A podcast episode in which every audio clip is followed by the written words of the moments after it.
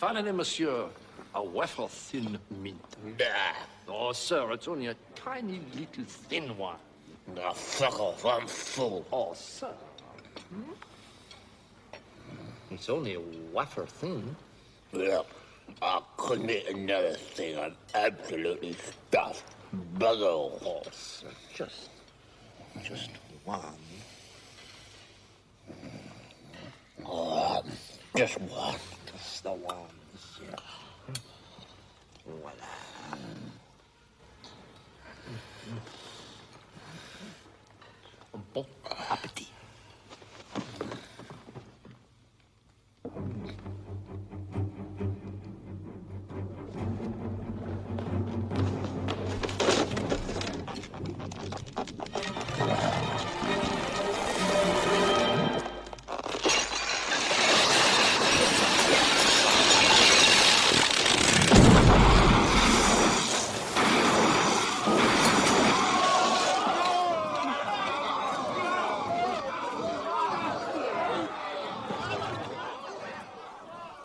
Här ljudklippet kommer från den klassiska sketchen Mr Creosote från komedisketchen Monty Python.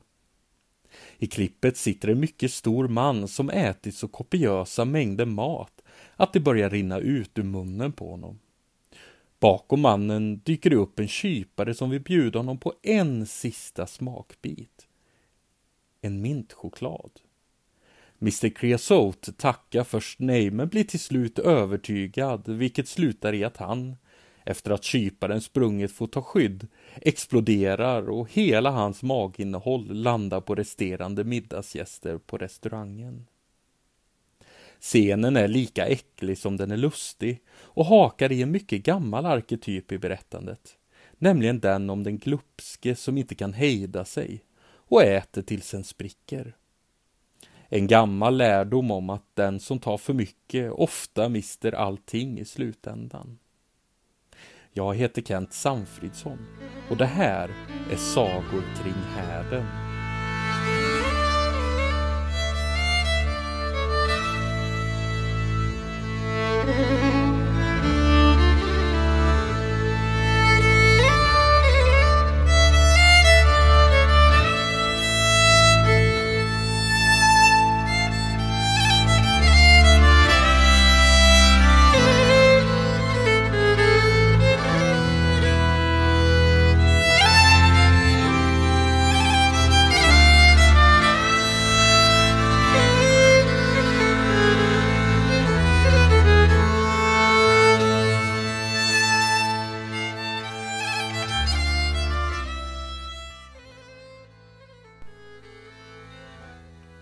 Ja, det där att utnyttja mer än vad en behöver, ja det är inte en ny diskussion.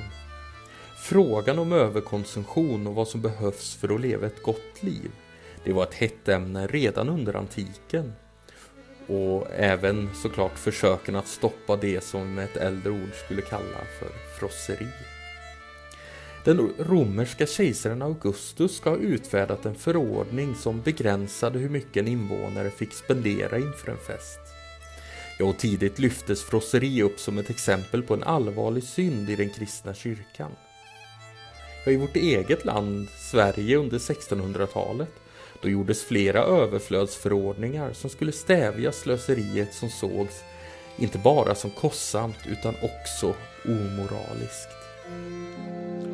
Vi, Karl, göre vitterligt, fast vi ogärna och med synnerligt misshag erfara hur leves högfärd i prakt och prål hos åtskilliga ståndspersoner, adel och oabel, såväl i dagligt leverne men även ut i sina kläder räckte mer och mer oaktat till Gud den högstes stränga vrede, hämnd och straff över landet som inte fruktas men även deras egen skada och fördärv som således deras goda egendom och förmögenhet tas av och förslösas på ett gäng fåfängheter.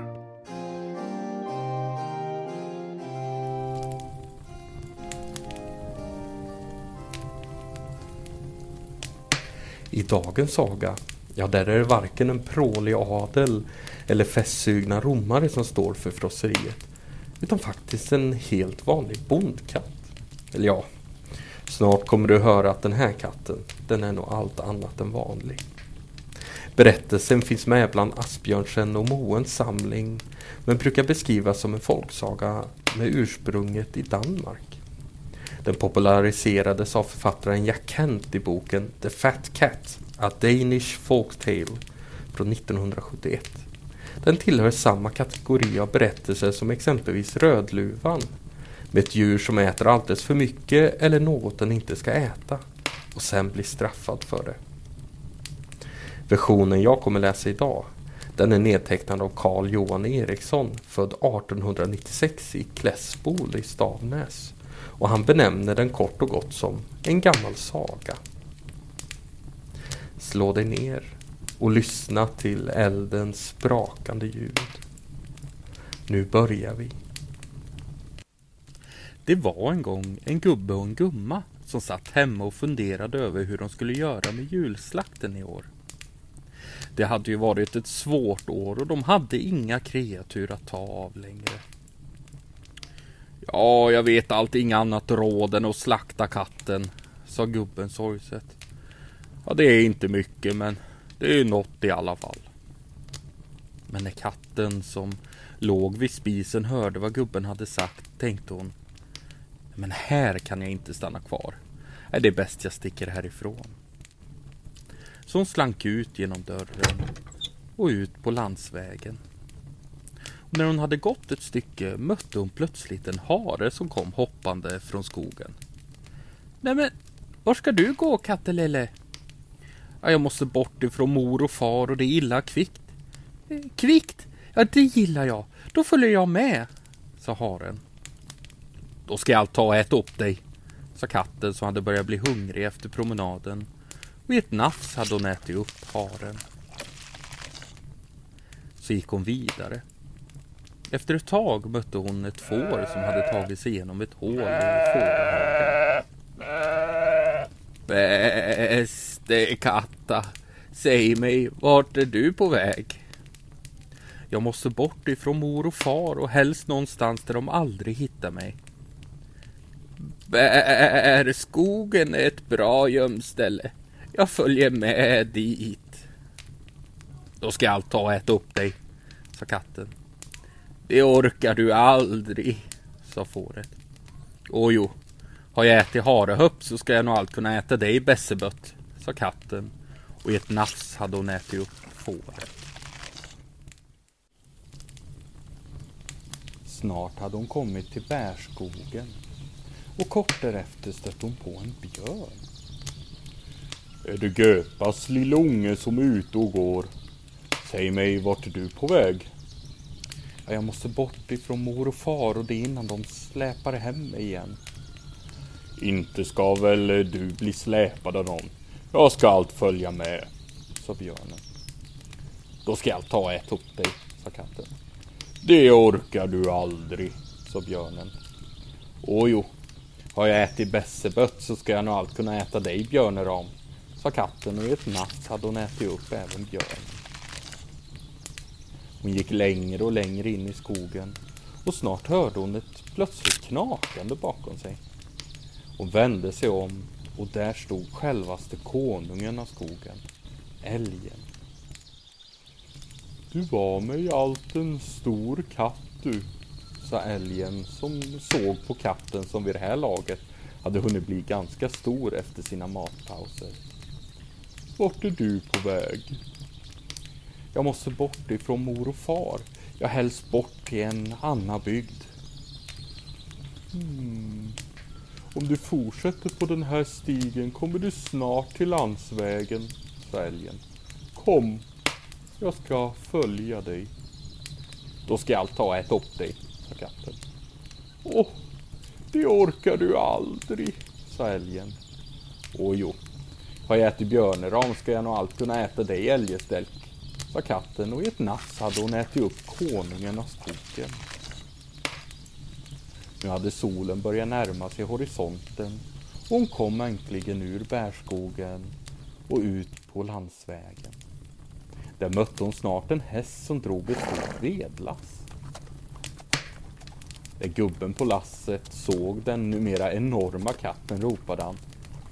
Tocke till katt har jag väl aldrig sett make till. Vart är hon på väg? Jag måste bort ifrån mor och far om jag, om jag så ska behöva gå hela vägen till nästa by. Inte är det värst långt till nästa by. Hoppa upp på lasset så kan du åka med. Då ska jag ta ihop er, sa katten. Det orkar du aldrig, sa gubben.